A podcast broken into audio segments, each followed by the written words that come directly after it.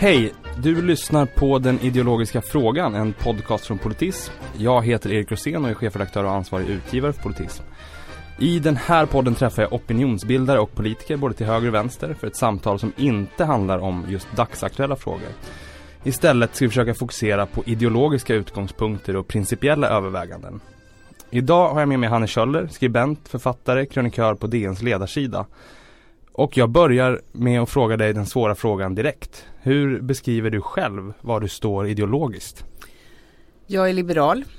Ehm, jag tycker att det är Sen, ja, det går ju naturligtvis att dela upp det här och inte minst nu när det är sån osämja inom den liberala familjen. Mm. Um, men sen skulle jag säga också, förutom att jag är liberal och feminist så är jag också uh, en sann demokrativän och en vurmare av rättsstaten och maktdelningsprincipen. Mm. Och det är i de här sista delarna där jag kanske skiljer mig från många andra. För många säger att de är det. Men när det handlar om enskilda ärenden, immigrationsfrågor och så vidare, då tycker man, då börjar man tulla på det här med mm. om man ska följa lagen eller inte. Och, och om du utvecklar det, vad, vad med, hur skiljer du dig där från andra som, som kallar sig det här, som är det i ord men du är det i handling då så att säga? Ja, jag skrev en bok som heter En halv sanning är också en lögn mm. som handlar om den här typen av journalistik när man lyfter fram ett enskilt fall och säger att den här personen borde få stanna. Det kan gälla migrationspolitiken men det kan också gälla eh, socialförsäkringen eller det kan gälla andra eh, sådana här eh, roller där det är en medborgare som inte har fått någonting som då det här tidningsmediebolaget tycker att man ska få då. Mm. Och då har jag många exempel i den boken och nu är de i och för sig lite till åren komna men till exempel kan, bara som ett exempel kan jag säga då det här när det ibland dyker upp någon eh, väldigt gammal människa som mm. kanske inte har någon familj kvar i det land som hon eller han kommer ifrån. Och så säger man den här personen borde få stanna. Mm. Och det tycker jag är en fullt rimlig hållning. Men då måste man säga på vilka grunder. Mm. Och då måste man också kunna fullfölja det och säga därför ska jag lägga en enskild motion i riksdagen. Eller mm. därför ska jag argumentera för att eh, vi avskaff, att vi återinför det här som kallas för sista länken som mm. riksdagen under ganska stor enighet avskaffade för nu, jag tror det är över 20 år sedan, mm. när man sa att familjeanknytning det är eh, kärnfamiljen och barn under 18 år. Mm. Och man kan inte, om man säger så att hon måste få stanna, då måste man förklara, okej, okay, men varför? Mm. Och vad är det som ska ändras i lagen? Jag vill inte ha ett system där chefredaktörer bestämmer att men den här flickan är så gullig eller hon har glasögon och själv har jag ögonproblem eller den här gamlingen är det så himla synd om. Utan du vill jag att det ska ha... vara förutsägbart så att säga? Ja, eller? det ska vara rätts... det är en del av rättssäkerheten mm. att man ska kunna eh, överskåda konsekvenserna av mm. någonting mm. och att man har bestämt sig för att den här gruppen får stanna. Men det finns ju en, en i nästan all sån här lagstiftning, eller i nästan all ska jag inte säga, men i de här lagstiftningarna finns det ju ofta att man talar om ömmande skäl eller synnerligen ömmande skäl och så vidare. Mm. Som är en ganska diffus eh, lagstiftningsgrund även om det uppstår praxis även där. Är det inte då att, att medierna har en uppgift att pröva vad den innebär genom att lyfta de här fallen? Nej, jag tycker medierna har en uppgift att sätta det enskilda ärendet i ett sammanhang. Ibland när jag skriver så kan jag utgå från ett enskilt ärende mm. för att sen gå över på systemnivå. Men jag gör aldrig det ena utan att göra det andra. Utan man måste ju berätta på vilket sätt lagstiftningen är fel. Och det här du pratar om synnerligen och ömmande skäl. De skrivningarna har ju förändrats under årens lopp mm. och tidigare för, kan det vara 90-talet eh, så hade vi ju tog vi nästan inte emot några personer som vi erkände som konventionsflyktingar. Vilket mm. är liksom den högsta statusen när man har rätt till allt samhälleligt eh, stöd mm. som alla andra medborgare har i ett land. Eh, och vi erkände nästan inga, inte ens de som flydde från Afghanistan medan andra länder kanske då erkände 40-60 eh, procent av de som kom mm. som konventionsflyktingar. Vi hade någon siffra på 1,2 eller någonting. Utan vi använde hela tiden det här med om det då hette ömmande skäl eller synnerliga mm, skäl. Jag kommer visst. inte ihåg. Vilket då skapar ett godtycke. Och jag vill ha en förutsägbarhet. Mm. Och det är egentligen samma sak som jag argumenterar för med det här med eh, våldtäktslagstiftningen. Jag tycker ju naturligtvis som feminist och som medborgare och som nästan alla andra att, att våldtäkt är ett fruktansvärt brott. Men vi måste ju ändå ha ett system där även gärningsmannen vet mm. när det begås. Mm, nej, jag, jag, håller med dig i behovet av ett förutsägbart system. Jag är inte säker på att jag håller med dig om mediernas roll där eftersom jag tycker att det kan vara mediernas roll att lyfta enskilda berättelser och se hur stämmer det här överens med eh, rättsmedvetandet? Hur stämmer det här överens med vad politikerna tycker och den ordning de driver? Hur, hur håller det ihop och finns det en, liksom, en logik i det och så vidare. Men tycker du inte då till exempel som i ett fall då med en kvinna som heter Janna tror hon Just det, ja. det. Tycker du inte då att det i så fall är mediernas roll att säga för, sätta den enskilda berättelsen i ett sammanhang. Den här möjligheten att eh, få hit ensamstående mm. äldre eh, familjemedlemmar Eh, den avskaffades då och då av de här sju partierna eller av mm. de här fem partierna. Och nu är det samma personer som röstade för det mm. förslaget som demonstrerar och som obstruerar mm. avvisningar och som gör allt det. Men gör något, för det är inte bara medierna, det är politikerna. Överens. Det är politikerna är också överens. som opponerar på sig själva. Ja, visst. Jag tycker det är skamligt. Ja, Nej, men det, det ser man ju från alla partier att man egentligen i medierna egentligen går i opposition mot politik som man har varit med och fattat beslut ja. om. Och där är vi helt överens. Mm. Jag ska rulla tillbaks till det du sa eh, ideologiskt att du är liberal. Eh, och att du även sa att det kan vara svårt att definiera vad det är just nu i det här Nej jag tycker inte det är svårt att definiera. Men att det finns en strid att... kanske om vad, ja. vad det innebär. Ja. Hur, vad, vad, lägger du in i det? Om, om vi kommer bort från det här rättstatsdiskussionen ja. utan vilka liberala värderingar är det som ligger till? Väldigt komprimerat. Eh, att eh, individen ska kunna få göra allting som hon eller han vill som inte skadar någon annan. Alltså mm. frihet. Och, och jag ska säga att i, den här, i det här spänningsfältet som finns nu där jag tycker då att många av de som tidigare definierade som, sig som liberala inte är liberala längre. Och i den här konflikten som finns nu mellan, eh, om vi ska säga det så, fri rörlighet och välfärd mm. så lutar jag mer åt fri rörlighet. Mm än åt välfärd. Samtidigt så är jag inte libertarian så jag tycker inte vi ska avskaffa alla välfärdsförmåner. Jag Nej. är oer, en oerhört stor vän av eh, skolan och tycker att eh, det, det är viktigt med en fungerande skola för att människor som kommer från eh, påvra bakgrundsförhållanden ska kunna eh, utveckla sig själva och göra vad de vill av sitt liv. Och jag, jag, både för individernas skull men också mm. för samhällets skull. Jag tänker på en sån debattör som Hans Rosling mm. som eh, har påverkat världen kanske mer än jag kanske inte ska säga någon annan svensk men väl, äh, har, har verkligen gjort äh, fotavtryck i världen mm. på ett imponerande sätt och, och bildat både svenskar och människor utomlands.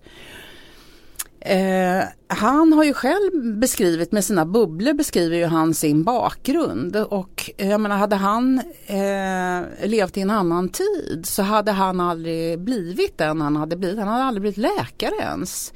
Eh, och, och det handlar ju om att tillvarata förmågor precis som vi pratar om när det gäller biståndspolitik så, och när vi pratar om att det här att lyfta flickor så mm. handlar det om att ett land kan inte utvecklas om man låter halva om halva befolkningen, om man inte kan plocka stjärnorna Nej. ur den liksom, gruppen.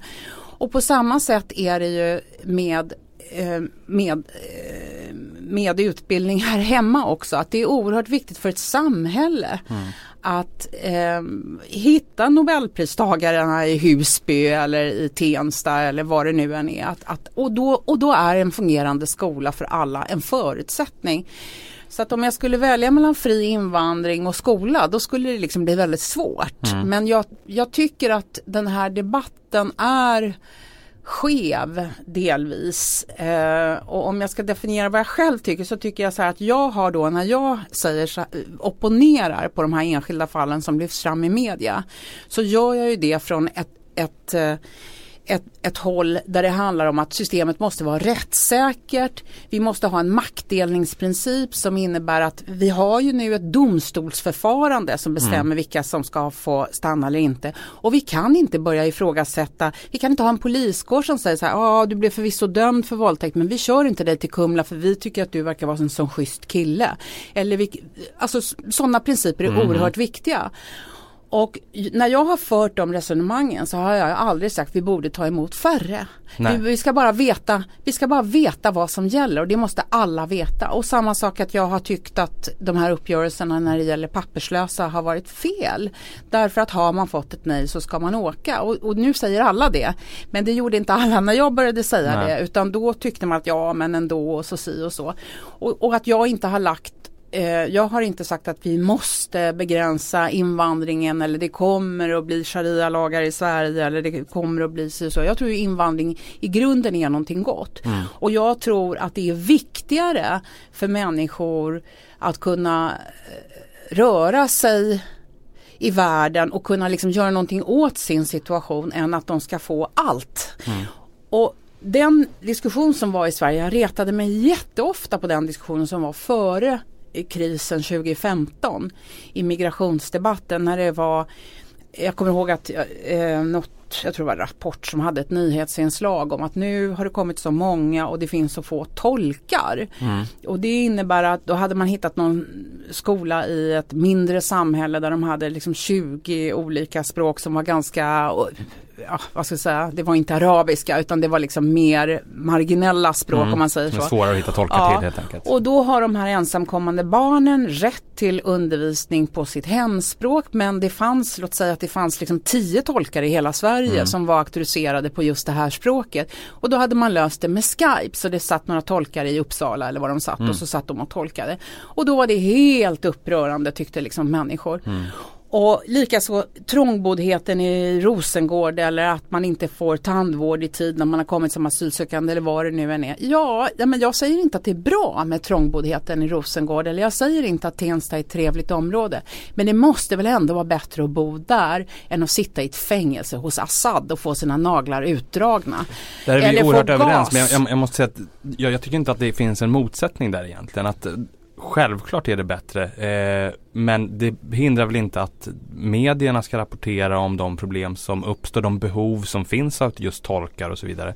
Eller av bättre tandvård eller av om välfärden inte når tillräckligt långt. Och så ja fast det, det, är ju en sån här indignationspolitik och det här med rättighetsperspektivet och så. Och jag tror att om vi ska säga det, en sak där vi inte är överens mm. till exempel så, så tycker jag då att om man då står inför en sån här situation, äh, vi säger Syrien eller människor som lever i förfärliga länder som flyr hit.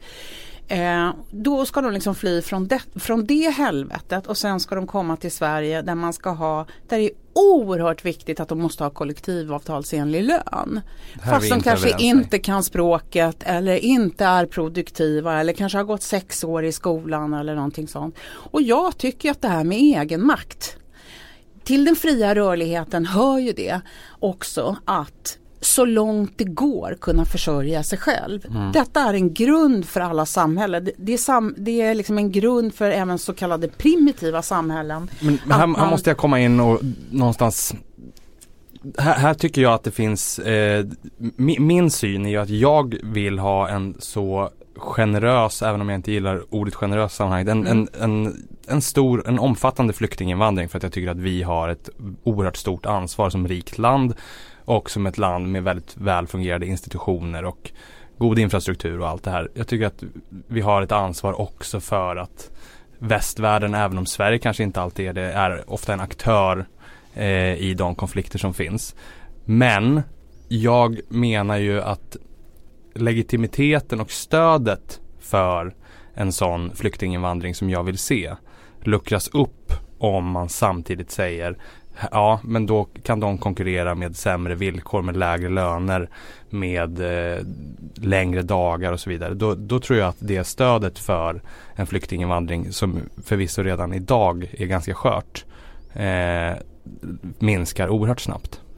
Jag tror att en anledning till att vi har den situation vi har idag och att Sverigedemokraterna har kunnat, vä eh, kunnat växa sig så starka eh, det beror i huvudsak på, det finns säkert många förklaringar, men i huvudsak på att det finns en frustration eh, hos många människor som eh, kämpar och sliter för att få vardagen att gå ihop och eh, arbetar och går upp tidigt på morgonen och lämnar barn på förskolan och allt möjligt. Och sen se att det finns en stor grupp som inte försörjer sig själva. Jag tror att om det absolut bästa för integrationen tror jag det skulle och för, för acceptansen för eh, att människor har olika religioner och för bönutrop och för mm. liksom alla de här nya influenserna som kommer in i vårt samhälle. Det skulle ju vara om vi fick fler eh, om fler människor bidrog till systemet och om vi också fick förebilder. Eh, jag tänkte på det här med romerna till exempel. Tänk om vi kunde få ett samhälle där eh, man lite titt som tätt eh, eh, träffade romer som var läkare, som var advokater, som var, liksom hade jobb som alla andra eh, eller liksom höga befattningar. Tänk vad Barack Obama betydde som symbol mm. när han som färgad man blev president i USA. Um, så att jag, och jag tror, jag skulle vilja, jag prioriterar social rörlighet mm. framför det här att man måste gå in på en viss lön och där har vi ju jag kan förstå eh, jag kan förstå din synpunkt men samtidigt så har vi ju en konkret verklighet att förhålla oss till när det handlar om, om kvinnor som kommer hit från, låt säga från Afghanistan som kanske är analfabeter. Det är fullständigt orealistiskt att tänka sig att de ska gå nio år i skola, lära sig svenska, sen ska få gymnasiekompetens och sen ska bli aktiva på arbetsmarknaden. Och samtidigt så är det så att vi har ett samhälle som när jag hade ett ganska litet barn och ville ha en cykelsadel mm. eh, eller en sån här barnstol eh, installerad på min cykel. Ja, då var det liksom väntetid i fem veckor. Vi har ett samhälle där vi går och lämnar saker till grovsoporna där Eh, det är många av dem som känner sig liksom tyngda av att de inte har någon tid gör ju väldigt mycket saker som andra människor skulle kunna göra även kanske utan att kunna språket. Jag tror ju eh, jag är en oerhört stark anhängare av kollektivavtalet och eh, att vi har höga lönenivåer. Att vi inte accepterar konkurrens med lägre löner.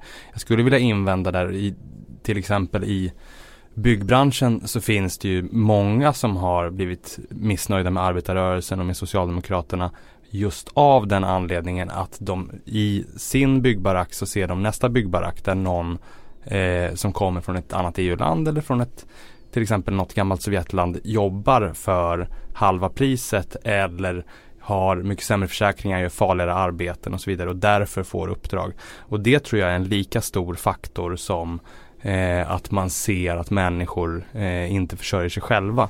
När man ser att ens egna villkor och löner inte längre är attraktiva för att det finns någon som gör arbetet billigare. Då tror jag att man ställer människor mot människor och att man de, på den vägen får ett ifrågasättande av invandrarna som finns här. Men det är lite två olika saker tycker jag. Därför att det ena är ju då kompetenta byggarbetare från ett annat, kanske EU-land till mm. och med. Eh, och det jag pratar om det är vad ska vi göra med den här stora gruppen som vi inte kan utbilda i kapp. Mm. Eh, och det är liksom lite olika lösningar. Och när det gäller byggbranschen så måste jag säga att jag tycker eh, jag föredrar ju att ha utländsk arbetskraft om jag ska ha något byggarbete gjort hemma. Därför att jag tycker att min erfarenhet därifrån med eh, svenska byggnadsarbetare det är att de inte kommer i tid, att de inte går att nå på telefonen, att de är oerhört krångliga och inte och det där gör inte jag och det går inte och allt är mm. omöjligt och så vidare. Och då tycker jag att det finns en hantverksskicklighet hos eh, byggnadsarbetare som kommer från de forna östländerna. Och det finns en tjänstvillighet som jag upplever inte finns hos, eh, ja, eller i alla fall hos, hos vissa av de svenska byggnadsarbetare som jag har varit i kontakt med. Plus att jag tycker att de är extremt överbetalda. Ja, jag håller med dig om allt du säger om arbetskraften från gamla östländer. Det finns otroligt många skickliga och det finns en väldigt lång tradition och en, en eh, upparbetad kunskap. Men jag håller inte med dig vare sig om att svenska byggarbetare skulle vara överbetalda eller att de på något sätt generellt sett skulle vara lata och bekväma. Men eh, där får vi ja, kanske men, och sen enas om. Ska jag säga så här att jag håller med dig om att det sannoliken är ett problem att eh, människor arbetar i indiska kök för 30 kronor om dagen och Mm. sover på en madrass någonstans nere i en källare. Du tycker inte Men- att det är integrerande? Nej det tycker jag verkligen inte och jag tycker inte att det är en lösning men jag tycker att det är en följd av att vi har ett regelsystem som säger så här 22 000 är lägsta lön eller vad nu lägsta lönen kan tänkas ligga på. Eh, och eh, att människor och, och, och av alla som har fått avslagsbeslut som inte lämnar landet som måste försörja sig på något sätt som förstås hamnar i en situation där de blir oerhört utsatta och där det handlar om att eh, få in de pengar som går att få in. Mm. Nej men situationen med papperslösa som jobbar för om det är 12 kronor i timmen i Sverige ibland eller om det är 20 kronor i timmen. Den ser vi ju över hela Europa, i Spanien inte minst, ett exempel där Ja, och där oerhört jag, stor del av arbetskraften är papperslösa Ja, och jag arbetare. tycker också att vi har, det har skrivits jättemycket om att vi får akta så att Sverige inte blir ett skuggsamhälle. Jag tycker vi är ett skuggsamhälle. Mm, till en viss del så håller jag med dig där. Say hello to a new era of mental health care. Cerebral is here to help you achieve your mental wellness goals with professional therapy and medication management support. 100% online. You'll experience the all new Cerebral Way, an innovative approach to mental wellness designed around you. You'll get a personalized treatment plan from a therapist, prescriber, or both in a safe and judgment free space. Your Cerebral therapist or prescriber will outline a customized plan with clear milestones along the way so you can get to feeling your best. With Cerebral, you're not alone in your mental health journey. We're here to empower you to live a fulfilling life. So take that first step towards a brighter future and sign up today at cerebral.com slash podcast and use code ACAST to get 15% off your first month. Offer only valid on monthly plans. Other exclusions may apply. Offer ends July 31st, 2024. See site for details. Eh, jag ska byta spår lite grann. Eh, jag, uppfattar dig ju helt klart som att du står till höger. Du kallar dig liberal men jag uppfattar dig som att du står till höger om vi sätter in det på vänster-höger-skalan. Eh, men jag uppfattar inte att du har någon särskilt nära lojalitet med ett specifikt parti alls. Jag har själv aldrig heller varit medlem i något parti. Har du varit partiaktiv? Nej. Aldrig någonsin. Och det är ingenting som lockar. Eh, ibland. Jag tycker nästan att jag är lockad av allting. Mm. Eh, det finns jättemånga saker jag skulle vilja hinna göra innan jag ehm, innan jag lägger mig på rättsmedicin eller var jag hamnar på i bårhuset. Eh, väldigt många yrken jag skulle vilja prova på och jag skulle jättegärna arbeta i regeringskansliet någon gång i livet. Det som är problematiskt med det är ju lite att man är halvrökt sen som eh, journalist. Mm. Eller i alla fall att det försvårar. Eh, men för jag skulle också vilja lära mig mer om hur det fungerar Mm. inuti. Eh, så jag skulle gärna göra det. Och, eh, men vad jag förstår så är det liksom svårt att göra om man inte blir knuten till ett parti. Mm. Och jag skulle inte ha något problem att bli knuten till borgerligheten. Eh, eller till alliansen. Men sen så vet vi inte ens vad som finns efter valet 2018 Nej. och även innan dess så vad jag förstod så blev man ju liksom anställd i ett parti. Och, eh, och jag tycker att den här fria rollen som jag har är härlig för jag tycker eh, att alla partier i varierande grad nu är populister och jag tycker att det finns skäl att kritisera vart och en av dem för, men för olika saker. Mm. Ja, nej, jag, jag delar faktiskt den bilden av att eh, alla i någon mån är populister så, så tillvida att de svänger väldigt snabbt utifrån vad de uppfattar Mm. att en kortsiktig opinion tycker. Eh, och sen så uppskattar även jag den fria rollen där man inte behöver eh, kuva sig under vad partiet har beslutat på någon Mm. kongress och liknande och så vidare. Du får jag bara invända en sak. Mm. Du sa så här att du skulle placera mig till höger. Mm. Eh, det där är ju inte okomplicerat därför att den här höger-vänster-skalan eh, är ju, sett ur ja, dagligt språkbruk så kanske den är rimlig då men Alltså när jag blev eh, ledarskribent så eh, hörde jag talas om Vänsterpressföreningen. Mm. Och Vänsterpressföreningen är ju Liberalernas mm. eh, pressförening. Och det har ju de här historiska rötterna av att liberaler sågs som vänster tidigare när eh, liberaler tillsammans med eh, vänstern drev frågor om kvinnors rätt, mm. rösträtt och, hela, och ja, hela demokratiprocessen där. Mm.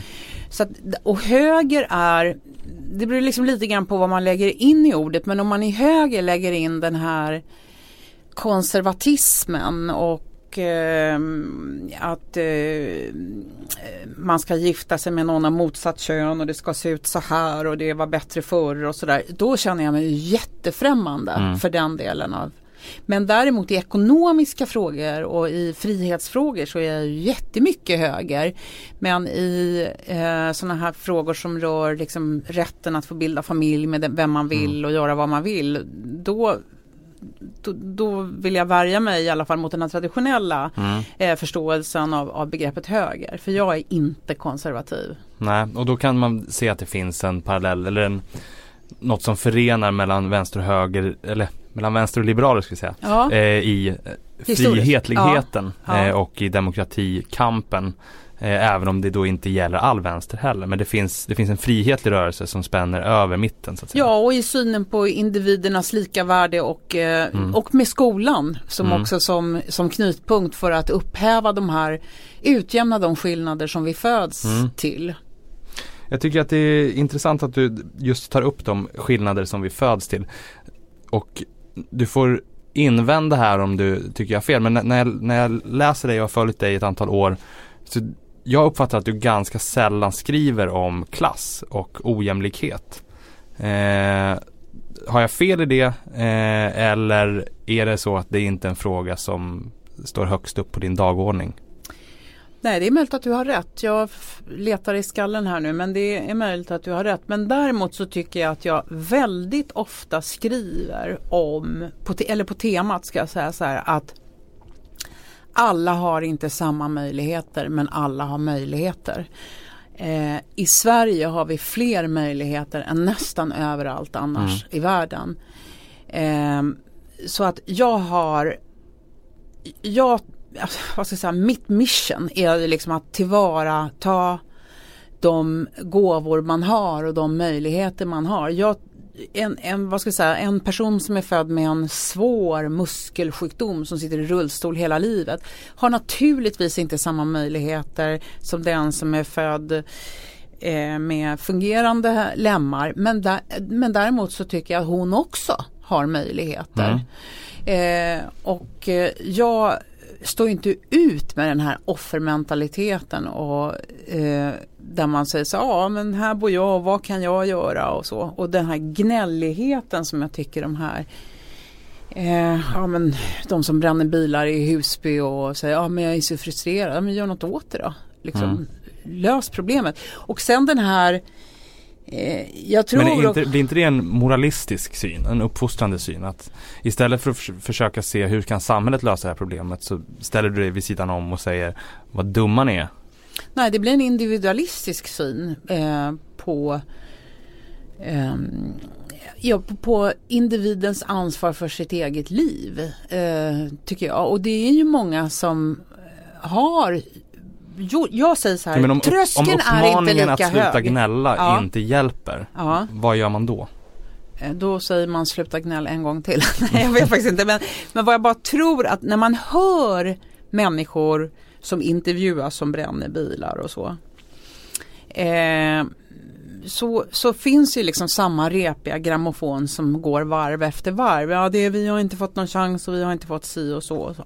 och jag var på ett seminarium i Almedalen med, jag tror att det var Sollentunas kommun tillsammans med brandförsvaret och med polisen som pratade om hur de hade arbetat för att minska bilbränderna och vad de hade gjort och hur de förklarade att det här är eh, trångbodda unga män som, nej det här är trångbodda som, och de har ingen chans och det är allt möjligt. Och så hörde man hela den här raddan och då räckte jag upp handen på slutet och så frågade jag bara, ursäkta mig men eh, är inte deras systrar trångbodda också?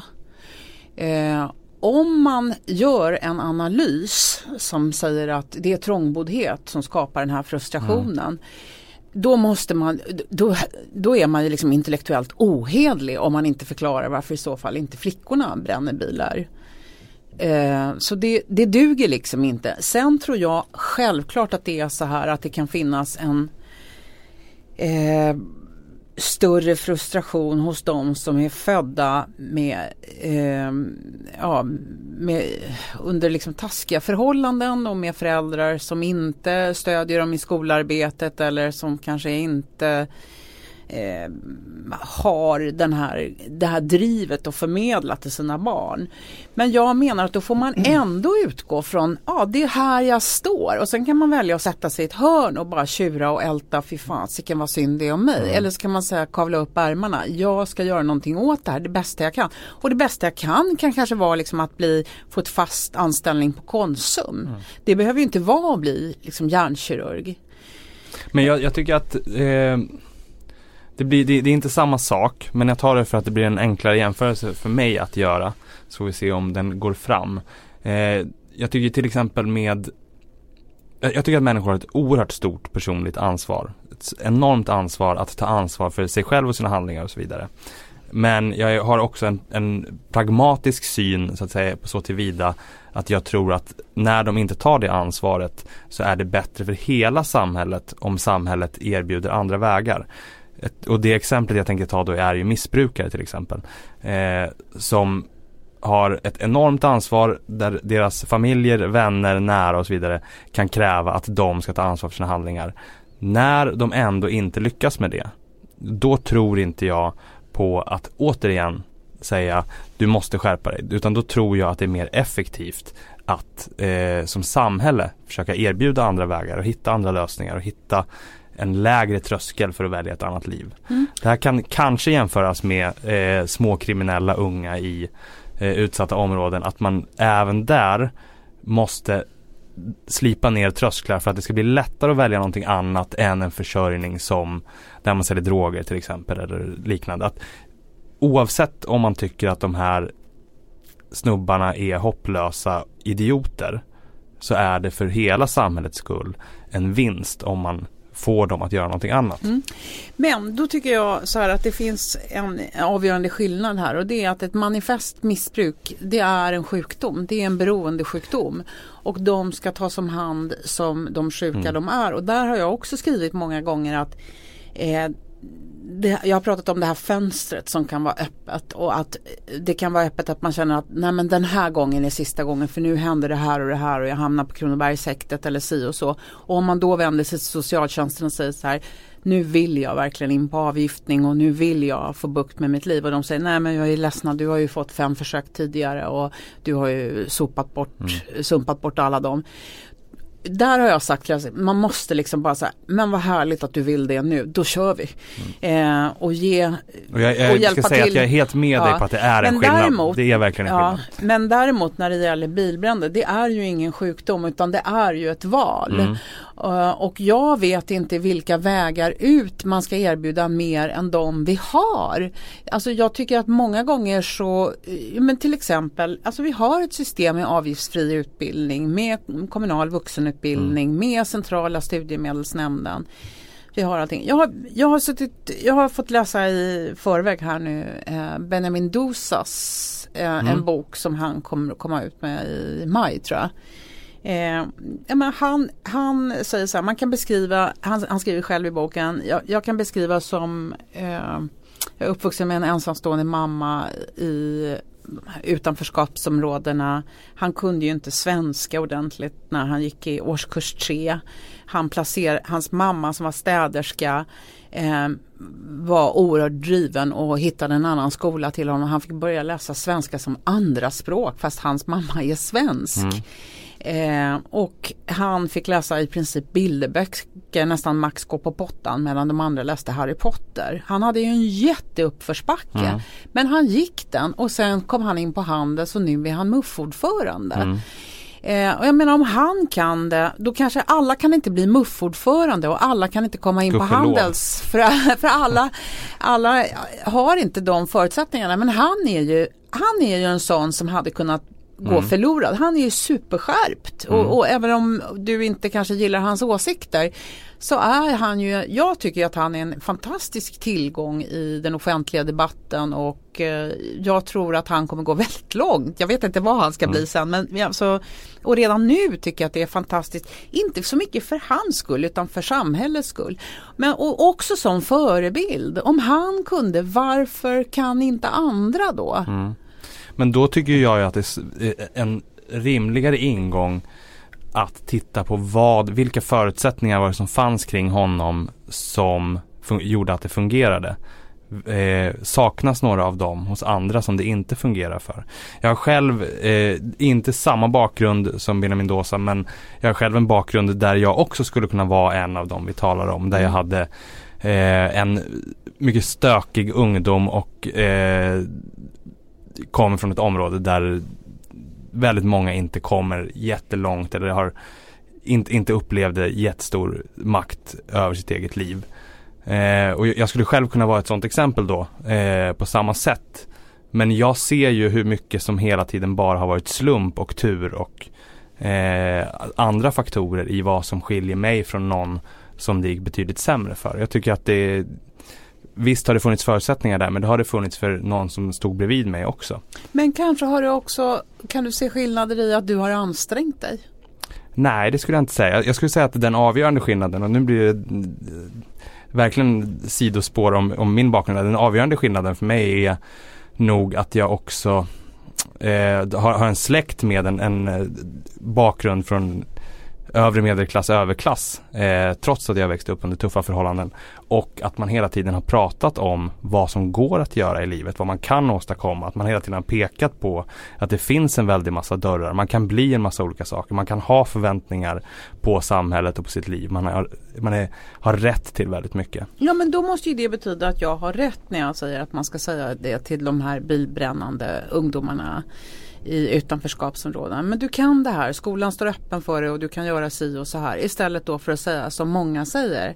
Ja men vi fattar, ja men det är ju synd om er, vi fattar att ni är frustrerade. Men jag ser ingen motsättning däremellan. Det liksom bara människor i den rollen. Och jag tror Jag, jag tror inte att det finns någon liksom, politisk analys som tar slut vid vi fattar att ni är frustrerade. Jag tror att det, alla de här andra delarna finns också där. Jo men och sen finns den här hjälpnödigheten att man ska hjälpa människor och man ska liksom sysselsätta dem och man ska si och så. Men jag tycker det viktiga måste ju ändå vara att liksom människor själv, människors egen drivkraft för, för att göra någonting. Man kan säga i Benjamin Dosas fall, jag frågade honom också någon gång, tror du att du hade varit där du är om inte din mamma hade bytt skola åt dig? Mm. Och, och, det var emot hans vilja. Han fick ju bryta med sina kompisar och mm. Eh, och då säger han aldrig inte en chans. Mm. Och det visar ju då hur oerhört viktig skolan är och hur förfärligt det var att den skolan fungerade så dåligt som han mm, gick i och de andra som gick kvar där. Men det kanske finns andra Benjamin Dosor i den eh, klassen som mm. han gick som aldrig kommer komma fram nu. Eh, men jag kan inte se vem som kan åtgärda någonting mer än individen själv. Det tycker jag att i, i, min bok är du motbevisad av det svenska samhället, av välfärdsstaten som har gjort att vi har en mycket större social rörlighet, att vi har mer jämlikhet, att vi har en oerhört högutbildad befolkning med höga reallöner och så vidare. Du, det är alla de delar i systemet som vi redan har satt på plats som har möjliggjort det och som skiljer oss väldigt mycket från vissa andra länder. Eh, jag menar, ett, ett klassiskt exempel på motsatsen är ju USA där så oerhört mycket handlar om att eh, bara lita till individens förmåga och ansträngning. Och där så fruktansvärt många fler slås ut. Där enormt många sitter i fängelse, enormt många eh, eh hamnar i extrem våldsamhet, hamnar i missbruk och så vidare. Så att jag tycker att, att välfärdsstaten i sig motbevisar det i någon men, mån. Men detta är målkonflikten för jag ser det också att med högre krav på individerna så kommer det vara några som inte når upp. Och, men frågan är var man ska lägga ribban. Liksom, vad, vad, vad kan man få ut maximal ansträngning av människor och maximal eget ansvar som inte kostar massa människor på vägen. Mm. Eh, och det är en svår fråga men jag tycker att den ligger på fel nivå i, mm. idag. Du eh. tycker att vi, eh, att Sverige liksom curlar sina medborgare? Ja, eller det, det tycker jag. Och, men, men tror du att den här sociala rörligheten skulle öka om risken för den enskilde blev större? Eh, ja, alltså det beror på vad du menar med risken för den enskilde. Det var om vi, ja, bara om vi till exempel tar socialförsäkringarna. Ja, men, låt, men, men bara säga så här, ja. häromdagen så var det en ESO, igår nu från den dagen vi spelar in då, så var det någon ESO-rapport som presenterades som refererades i Dagens Nyheter och jag har inte läst eh, ESO-rapporten. Men där man också skriver om de här inlåsningseffekterna. Ylva Johansson, statsrådet, hade kommenterat det med att vilka löner en nyanländ måste eh, komma upp i för att det ska löna sig att arbeta. För att inte marginaleffekten ska bli 100 procent. Mm. Det ser jag som ett enormt problem. Där håller jag med dig. Det är ju, det är ju ett, då, då har man en felaktighet i konstruktionen. Och mm. Men, men det, det, det jag tänker mer men på om här, vi då tar på socialförsäkringen. Ja precis, där, kan man, kan man där, har vi, där har vi ett läge där socialförsäkringen dels eh, har beskrivits som allt för omfattande under många år. Eh, från en sida, jag vet att du själv har varit kritisk mot sjukförsäkringen till exempel tidigare. Eh, Medan den från min synvinkel är oerhört oförutsägbar apropå eh, lagstiftningen. Läkare politiker, jurister, ingen vet vad till exempel normalt förekommande arbete är. Och det blir oerhört många som får sjukpenningavslag särskilt efter den nuvarande regeringens hårdare krav nu så har det ökat enormt. Eh, jag ser sjukförsäkringen som ett av de viktigaste verktygen både för att ge människor fler chanser eh, i livet, ge dem möjlighet att komma tillbaka och det är dessutom en av de viktigaste faktorerna bakom omfördelning av pengar. Är, vi, vi, omfördelar 40-50 miljarder varje år från höginkomsttagare till låginkomsttagare via sjukförsäkringen. Eh, för mig är det ett, ett praktexempel på hur en välfärdsstat ska fungera. Men medan jag tycker det har brister. Men för dig är det ett curlande eller ett eh, daltande system eller hur? Nej men så här, först och främst du säger så här att det är oerhört många som får avslag. Rent procentuellt så är det ju inte det utan det är ju, jag tror att det var, låg på liksom, nu kan jag inte siffrorna i huvudet men det låg på någon procent och sen så ökade det till 3 procent av som fick avslag, någonting sånt mm. och så skriver medierna att det är en tredubbling eller vad det nu än är. Och vilket ju förstås är sant men det var ju från en extremt låg nivå. Eh, det här med arbetsoförmögen begreppet och eh, normalt förekommande arbete är svårt. Eh, och eh, jag har inget svar på hur det ska tolkas. Men principen, vad jag, vad jag tycker, mm -hmm. vad, och i min drömvärld skulle det vara så här att man hade en väldigt hög ersättning initialt men sen att den trappades ner mm. raskt. Eh, och jag tycker att den här debatten om stupstocken som har varit i Sverige, den är bizarr. Eh, jag har en god vän som är överläkare inom bröstcancerkirurgi mm. i Norge. I Norge är det så att man får 100% av ersättningen mm. men i ett år, sen mm. poff är det slut. Och jag frågade henne, eh, har ni några sådana diskussioner om eh, stupstock eller att den tar slut och så? Hon sa nej det förekommer inte. Det har inte vi heller när det gäller a-kassan. För här har vi samma system. Så det är ju en fråga om vad man har vant sig vid för mm. system. Och i Sverige det som då kallas stupstock det handlar, det handlar ju också om att eh, det är ju inte så att sen måste man arbeta utan är man fortfarande totalt arbetsoförmögen ja men då ska man bli förtidspensionär som det hette förr i världen. Mm. Eh, och jag tycker att det här med 100% i ersättning det är ju närmast bisarrt eftersom de flesta av oss har kostnader för att resa till och från jobbet för att kanske vara tvungen att äta lunch ute för att sätta på sig kläder och så. Så att det kan inte vara så att man ska tjäna på att vara sjuk. Um, det är det ena. Och det andra jag skulle fråga henne, då frågade jag henne om så här, kan det vara så att några av era patienter inte hinner behandlas färdigt på det här året? Och då berättade hon att eh, när man kommer och så gör man kanske en mammografi och så ser man att här är någonting som ser ut som cancer och sen gör man en punktion. Mm. Och så i, Sverige, I Sverige går i den tiden från det att man får eh, sin diagnos till man ligger på operationsbordet. Jag tror att det, där finns ju en jättebra infrastruktur nästan i hela Sverige. Så mm. där ligger man på operationsbordet inom 14 dagar. Eh, och sen så opereras man och sen måste man läka en stund och sen så eh, strålas man eller får cytostatika i en viss ordning och det ska ske en viss tid emellan. Och det där hinner man liksom på ett år. Och hon berättade att när hon träffar sina patienter första gången och man planerar in en operationstid så säger man så här, du är inte sjukare idag än vad du var igår. Eh, så om du vill så kan du fortsätta att arbeta fram till operationsdagen. Mm. Och om du har ett arbete där det kanske också kan eh, hjälpa dig och distrahera dig från de här jätteplågsamma tankarna det är som innebär att få ett cancerbesked. Mm. Så om man arbetar som psykoterapeut och ska lyssna på människors lidande, ja men det kanske inte går om man har fått ett cancerbesked. Men om man arbetar på ICA så kanske det går att scanna varor och så. Utan, men hon lägger det, då lägger man det, läkarna lägger det på patienten mm, så att mm. säga. Det får de avgöra. Och då är det ganska många som väljer att arbeta fram till mm. operationen. Mm. Sen efter operationen så är det så att beroende på om man har ett fysiskt krävande arbete om man är skogshuggare eller om man sitter vid ett skrivbord så kan man inte komma tillbaka i jobb lika snabbt för att man ska läka i kroppen och mm.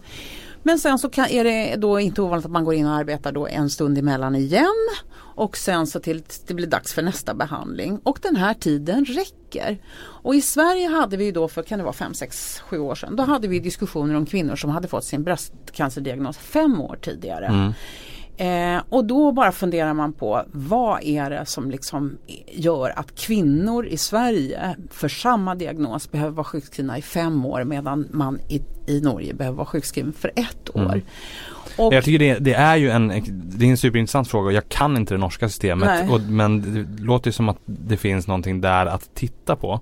Men är det då Ja, men, oh, jag, låt mig bara ja. säga, det är, jag tror att det bara är i Sverige där vi har haft en sjukförsäkring som inte har haft någon bortre gräns överhuvudtaget. I alla fall så är det ett av väldigt få länder.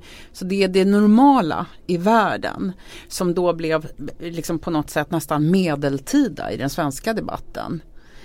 Men det beror väl också på att vi har avskaffat det som kallas för förtidspension, eller det som hette förtidspension. Det har ju bara bytt namn. Det ja men precis. Ja. Men så det finns ju fortfarande. Och, och förtidspension ja. finns ju i flera andra länder också. Ja men det finns ju i Sverige också fast det har bytt namn. Mm.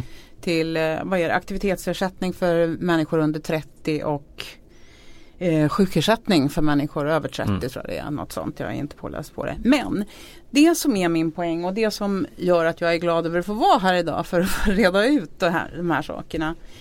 Eh, det är ju det här att sju, i, i den eh, engelskspråkiga litteraturen eh, när det gäller eh, de här sakerna så skiljer man ju på illness och disease. Mm. Och i den svenska litteraturen så har man sagt att vi har inga riktiga bra ord för det utan det närmaste vi kommer är lidande och sjukdom. Mm. Men man använder de begreppen här då också.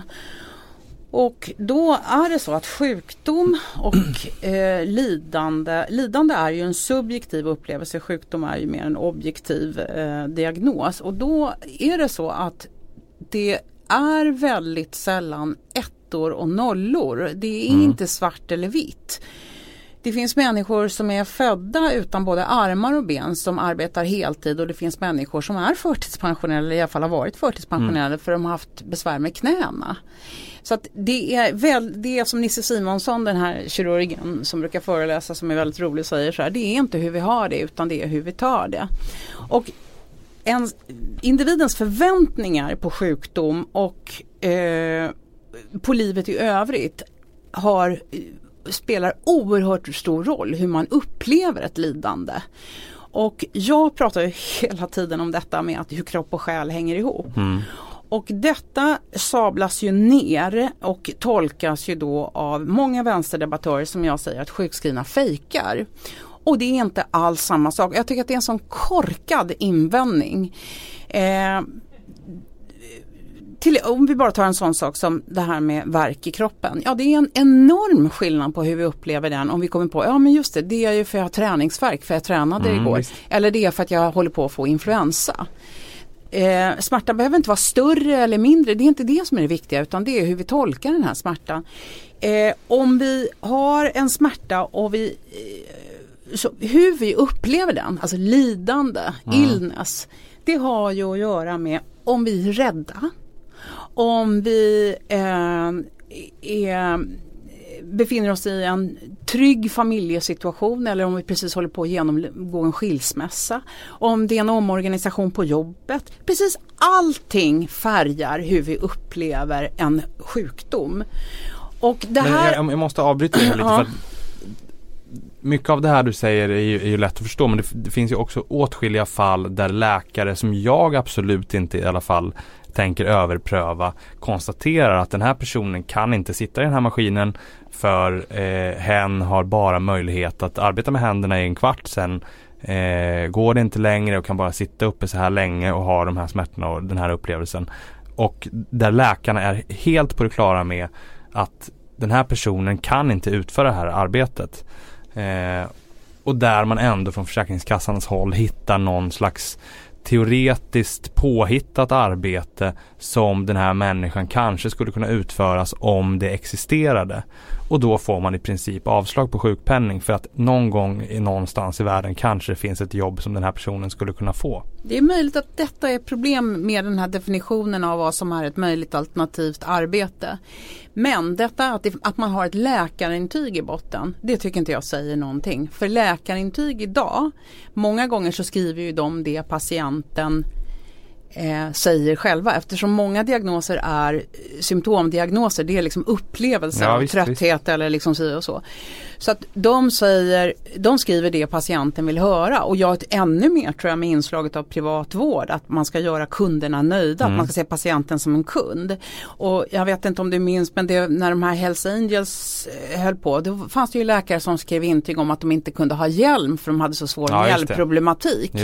Eller ja, och eh, så att, att få ett läkarintyg på något, det tror jag är hur lätt som helst. Jag tror att jag skulle kunna gå ut härifrån idag och få ett eh, läkarintyg på att jag inte kan mm. arbeta. Sen kan man säga så här, tidigare har det varit så väldigt mycket att sjukförsäkringen har använts som en yrkesförsäkring.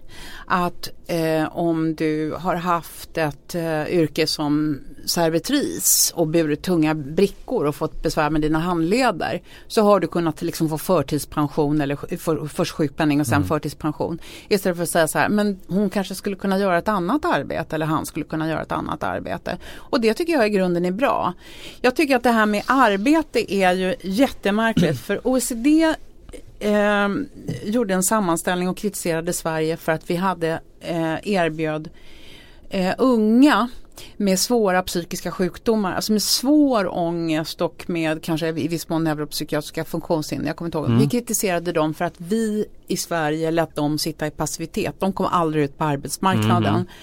Och det är ju väldigt märkligt att om man då säger så här, men det är väldigt bra för en ung människa, även om den personen har svår mm. ångest, förlamande ångest, att komma ut på en arbetsplats. Vad är det då som säger att det självklart är bra för en om jag ska ta det mest förbjudna exemplet som knappt går att prata om eh, om man inte har egen erfarenhet. Men vi säger en, en person, en mamma som har förlorat sitt barn till mm. exempel. Vad är det som säger att den personen blir bäst hjälpt av att bli sjukskriven i fem år mm. eller ännu längre, åravis, år efter år efter år efter år. Men, men har vi då någonting eh, i, i det fallet eller andra exempel, har vi då någonting bättre att lita till eh, än eh, läkarkåren menar du? Är, om, om, om det är för lätt att få sjukintyg eh, hur, vem, vem ska då avgöra att den som har förlorat sitt barn eller den som har den här svåra ångesten ändå kan jobba om läkarna säger att nej det är inte möjligt. Ja men då är vi tillbaka till det här i rättssäkerhet och min förtjusning i maktdelningsprinciper och mm. i att lagen ska följas. Då är det så att det är Försäkringskassan som ska avgöra arbetsoförmåga det är in, och eh, arbetsförmåga. Och Försäkringskassan är, lägger ju ofta läkarna, väldigt kort tid på det här. Och det är läkarna som ska av, avgöra, det är inte läkarnas sak att avgöra arbetsförmåga utan det är ju deras, de ska ju Eh, säga den här personen är sjuk eller frisk eller eh, si och så. Och sen så tycker jag att jag har skrivit om det också att jag tycker att läkarkåren har ett stort ansvar i att eh, sjukfrånvaron dubblerades under fem år tror jag det var i början på 2000-talet eller någonstans där runt omkring. Utan att det finns några medicinska förklaringar till det. Det är klart att det är en attitydfråga från dem och det, och det tror jag har att göra med deras liksom minskade auktoritet. Precis som man kan se det här med betygsinflationen med lärarnas förlorade auktoritet och hur man mer tillfredsställer kunder mm. och man ska göra alla nöjda och glada och den svenska konflikträdslan.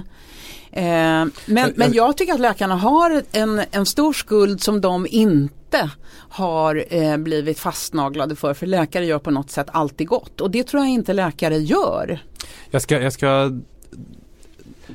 jag ska egentligen gå vidare till ett annat ämne men jag måste säga att, att det är inte heller bara eh, så att läkarna eh, liksom tillfredsställer kundens behov och så vidare i de här fallen. För det är också så att det väldigt ofta blir ett enormt merarbete för läkarna när de skriver de här eh, intygen. Sen får de tillbaka dem från Försäkringskassan för att de har valt ett ord fel och då måste de ompröva. Så det är, det är en väldigt stor process där läkarna får lägga väldigt mycket extra tid och samtidigt få väldigt missnöjda kunder så att säga. Så det är inte bara så att det är bekvämt. Och Försäkringskassan lägger ju ofta väldigt lite tid på att avfärda de här läkarintygen i samma sekund som de ser att det saknas ett visst ord som skulle ha funnits med och så vidare. Ja, fast jag ska också säga då om du minns, när Göran Hägglund var socialminister så införde ju han någon ersättningsmodell där de landsting som, eh, nu tror jag det var så att om de hade, klarade att eh, få igenom mer än 50% av sina eh, sjukintyg utan att få dem tillbaka med krav på komplettering mm. så skulle de få någon ersättning.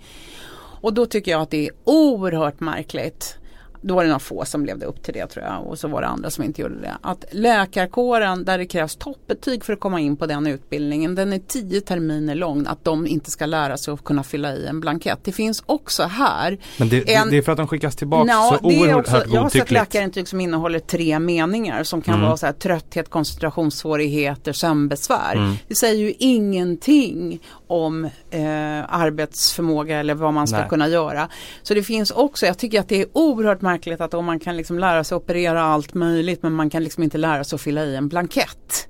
Det tycker jag är, det, det, och där finns någon maktdimension tror jag. Där det handlar om att läkarna tycker så här, hallå jag är faktiskt läkare. Ska jag behöva förklara det här för en gråhårig tant på Försäkringskassan? Jo men där tror jag att du har rätt att det finns definitivt en sån aspekt. Men det finns också den här andra jag talar om och där väldigt mycket hamnar i kläm. Och det här diskuteras jättemycket inom läkarkåren att de måste i princip anställa folk som eh, kan formulera exakt på det sätt som Försäkringskassan eh, måste ha för att inte eh, ge avslag och att det, det har blivit ett jätte en, stor administrativ ja, fråga. Men jag har intervjuat Urban Bengtsson till exempel som är distriktsläkare som är eh, aktiv i eller som är bekymrad över den här sjuklifieringen av samhället. Mm. Och han säger han har aldrig fått tillbaka ett läkarintyg. Ja, men han kan ju skriva då, varför, varför kan inte andra skriva? Mm.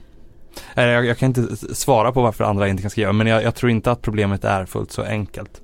Men eftersom tiden går väldigt fort här och jag vill ändå att vi ska komma in på innan vi avslutar diskussionen. Du har precis skrivit om eh, hur det utvecklas med alternativmedier. Du tog Nyheter Idag som exempel bland annat. Eh, och jag ser ju också att opinionsjournalistiken förändras. Jag är själv en del i att försöka förändra opinionsjournalistiken och så vidare. Eh, vi ser Svenskt Näringslivssajter som Arbetsmarknadsnytt som försöker slå sig in i opinionsjournalistiken. Vi ser Kvartal, eh, näringslivs, inte Svenskt Näringsliv men ändå företagarfinansierad, eh, långsammare politisk sajt eller vad man ska kalla det. Och sen då långt ut eh, på högerkanten eller högerpopulismen och rasismen så hittar vi sånt som Samhällsnytt och Nyheter Idag. Det finns också fler och fler enorma Facebookgrupper som kan nå många hundratusen varje dag med ett politiskt innehåll. Hur ser, va, va, hur ser du, tänker du kring hur opinionsjournalistiken har utvecklats medan du har varit en del av den? Och är det av godo, av ondo? Vad är värst? Vad är bäst? Uh, ja, oh, det var en svår fråga. Men jag skulle säga så här att jag tycker att eh, journalistiken överhuvudtaget har, eh, vad ska jag säga, de etablerade medierna har missat att göra sin hemläxa många gånger. Jag tycker att de fortsätter att eh, göra misstag som inte borde göras. Vilken typ av misstag kan det vara? Ja men dels så handlar det ju om det här med det som jag skrev om i den här En halv sanning är också en lögn med offerjournalistik och när man eh, vinklar eh, texter på ett sätt så att helheten blir missvisande trots att man kanske har rätt i varenda citat men man har valt bort på ett sätt som gör att liksom helheten blir skev mm. eller att man inte sätter det i sitt sammanhang eller att man har eh, ja men eh, reportage om liksom någon som kanske inte får eh, sjukpenning och så i andra änden så finns en försäkringskassa som är tyngd av eh, tystnadsplikt som inte kan förklara varför mm. eller det kan göras inslag om, låt säga nu, eh, vi säger att någon som inte får en plats för en avgiftning och så ställer man någon socialsekreterare till svars som inte kan säga någonting och, sen, och hon kan kanske inte säga men det var ju för att du våldtog en annan boende förra gången och kniv, satte kniven mot halsen mot en anställd. Ja, men vad det nu än är så kan man inte säga det. Och där blir också i dramaturgin ligger ju också gärna det här gamla Jan Josefsson-modellen med att man ska sätta in en fot i dörren och mm. de vill inte säga någonting istället för att förklara att det går inte att få fram någonting. Så. Eh, det tycker jag är ett misstag. Sen så tycker jag eh, illa om den här slafsigheten som finns. Eh, och där skulle jag kunna exemplifiera med, en, eh, med ett aktuellt fall. Men just också när jag skriver om när jag skriver om sjuk, eh, eh, socialförsäkringssystemen till exempel eller om eh, sjukskrivningsfrågor. Jag skrev ganska nyligen en text som handlade om eh, otroligt intressanta rön om hur synen på hur, vad vi gör på vårt arbete mm. påverkar. Eh, det kan liksom bli träning man kan få träningsresultat. Man Just kan det. få eh, lägre blodfetter och man kan få lägre BMI och allt möjligt om man informeras om att men de här arbetsuppgifterna som du utför det innebär faktiskt liksom rekommendationerna för fysisk träning. Så woof, så liksom bantar man liksom av att få den informationen. Mm. Medan då de som fortsätter att utföra de här arbetsuppgifterna inte gör det. Och den I den texten då så hade jag utgått från en bok som var skriven av en KI-professor och eh, sen hade jag också refererat från en annan disputerad forskare och så hade jag med flera icke namngivna studier specificerade. När den sen då eh, Sen då så är det en av dina vänsterkollegor som skriver en ledare om den, denna som där rubriken är sjukskrivna fejkar inte Hanne Kjöller. Och då är det så att den skribenten som har skrivit detta på Aftonbladets ledarsida har ju förstås är, är, har inte orkat läsa boken. Har för att liksom, eller läsa några andra böcker eller ta del av några andra studier för att liksom möjligen kunna bredda debatten eller det här är en skev tolkning hon gör eller kunna fördjupa men å andra sidan kan man säga så här eller si och så. Så personen i fråga är lat. Eh, personen i fråga är feg för att Eh, det är ju jag som angrips för att det finns ingen på Aftonbladets ledarsida som vågar angripa två disputerade eh, forskare för deras resultat. Utan man säger så här, Hanne Kjöller hävdar att och så liksom, nej men det här är ju forskningsresultat. Eh, så slapp lat och, lat och feg, alltså tycker jag. Och då tycker jag att det är så här att om man är arvoderad opinionsskribent så har man rätt att kräva att den personen om man inte kan någonting så ska man läsa på. Det är det som liksom jag tycker det, vi hamnar alltid, jag har ju arbetat som ledarskribent och varit tvungen att liksom publicera texter på daglig basis och det är alltid så att vissa ämnen kan man bättre och mm. andra kan man sämre och vissa kan man nästan ingenting om. Och då tycker jag att det är en skyldighet mot läsarna att man läser på så gott man förmår med den tid man har. Men är och, det, är det, om, om, man tittar jag, på den journalistik ja, men, som vi har, ja, men, då, är det någonting särskilt som har hänt som du menar gör? Ja men det här twittrandet, och man kan inte ställa samma sak på en twittrare som har varit eh, åtta timmar i gruvan och sen kommer hem och sen, då kan man slänga ur sig en åsikt hur som helst. Då behöver man, inte, man kan inte kräva att den personen ska läsa på. Och då tycker jag att den här Twitterkulturen har flyttat in på opinionssidor. Det är för slappt och det är för mycket personangrepp. Och som liberal så tror jag att i princip alla röster kan höras. Och jag tycker att de goda argumenten, jag tänker att de goda mm. argumenten ska vinna. Men om man, om man säger sådana här saker som eh, Hanne Kjöller är känslokall. Vad ska jag svara på det? Nej det är inte alls det. Det går ju inte att svara på det. Eller Hanne Kjöller har aldrig varit sjuk själv eller men vad, vad, vet du om det? Jag mm, pratar mm. inte om det. Det går liksom inte att angripa. Men däremot om man säger så här, Hanne Kjöller har fel här för att den här forskaren säger det här och det här. Eller för att alla vet eller liksom att man argumenterar i sak. Men upplever du att det här är ett vänsterfenomen eller menar du att det här går över hela opinionsjournalistiken och debatten? Uh, ja, jag, jag kanske orättvis som jag säger att jag tycker att det är liksom ett Aftonbladet och politismproblem. Jag tycker att det är, för det är ju liksom främst där jag uppmärksammar det. Eh, men jag tycker att det finns en slafsighet eh, hos vänstern då, som det exemplet som jag gav nu är ju någon typ av faktaresistens mm. också. Och det är lite fake news fast jag hatar det begreppet för det är det här att okej, okay, hon hänvisar till det här. Eh, men jag tänker inte läsa på. Jag tänker vara så arrogant så jag tänker hålla fast vid min världsbild av att liksom är man sjuk så är man sjuk. Trots att det inte finns en enda läkare i Sverige, jag är övertygad om det, som skulle säga att det finns, att det inte finns ett samband mellan kropp och själ. Men då, då skulle mitt, mitt motargument skulle vara, och vi, och vi behöver inte gå tillbaks till en debatt från 2014 eller så. Men mitt, jag skulle ju då vilja säga att det, var, det är precis så jag uppfattade till exempel din kritik mot politism när vi var ganska nya. Att jag uppfattade den som slafsig, att det fanns påpekanden där om vad vi var och vad vi hade föresatt oss som inte var grundade i verkligheten och som jag tyckte var okunniga och som jag, jag skrev just att den var okunnig och slafsig efter det. Mm, fast jag hade ju varit, jag hade ju läst era artiklar och jag utgick ju ändå från dem. Mm. Och sen så vet jag att du kritiserade mig vid något tillfälle på Twitter tror jag det var för att jag inte hade läst eh, nyligen igen eller inte följt och sådär. Och det är ju lite så att man får bara en chans att göra ett första intryck. Alltså det, det kan ju vara så om jag har ätit, jag kanske äter lever en gång var tionde år för att se om jag har ändrat uppfattning. Att, att jag inte tycker att det är en jättegod maträtt. Mm. Men man kan inte sitta och tugga i sig lever varenda dag för att när man tyckte att det här var läskigt första gången. Det har jag full förståelse mm. för. Men jag menar bara att det var, jag, jag jag uppfattar ju från mitt perspektiv att det du beskriver ser jag mer till höger. Så jag tror att det kanske handlar om vilka perspektiv vi har. Eh, att vem man tycker gör det slappt, okunnigt och slafsigt. Eh, och då menar inte jag att, att, att just du gör det eller att jag ska inte peka ut någon person överhuvudtaget. Men för, från mitt perspektiv så ser jag det som ett mycket tydligare högerfenomen. Eh, så jag tror att det handlar ganska mycket om eh, vilka, vilka ingångsvärden vi har när vi läser de här texterna.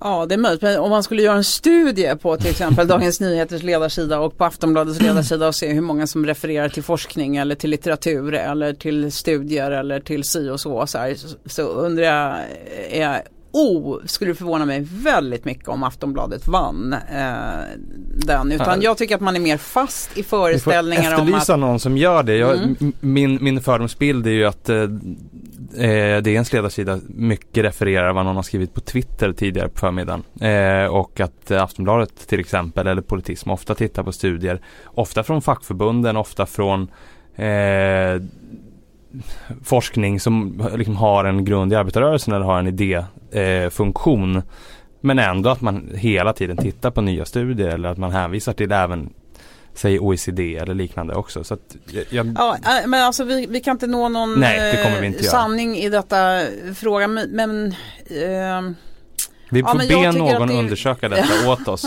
jag tycker att det är, är viktigt att, att, ha på fötterna och försöka att eh, också att utmana kanske sina, sina föreställningar. Att inte bara läsa eh, liksom likasinnade eller där man vet. Kanske mm. inte bara läsa liksom, studier från Ni kanske inte bara ska läsa LO-rapporter utan även några SAF-rapporter och, och omvänt. Eh, men eh, ja Det låter som en rimlig slutpunkt tycker jag. För nu har vi gjort det längsta avsnittet hittills. Okej, Eh, men jag vill tacka dig jättemycket för att du kom hit. tack. Det var väldigt trevligt. Tack.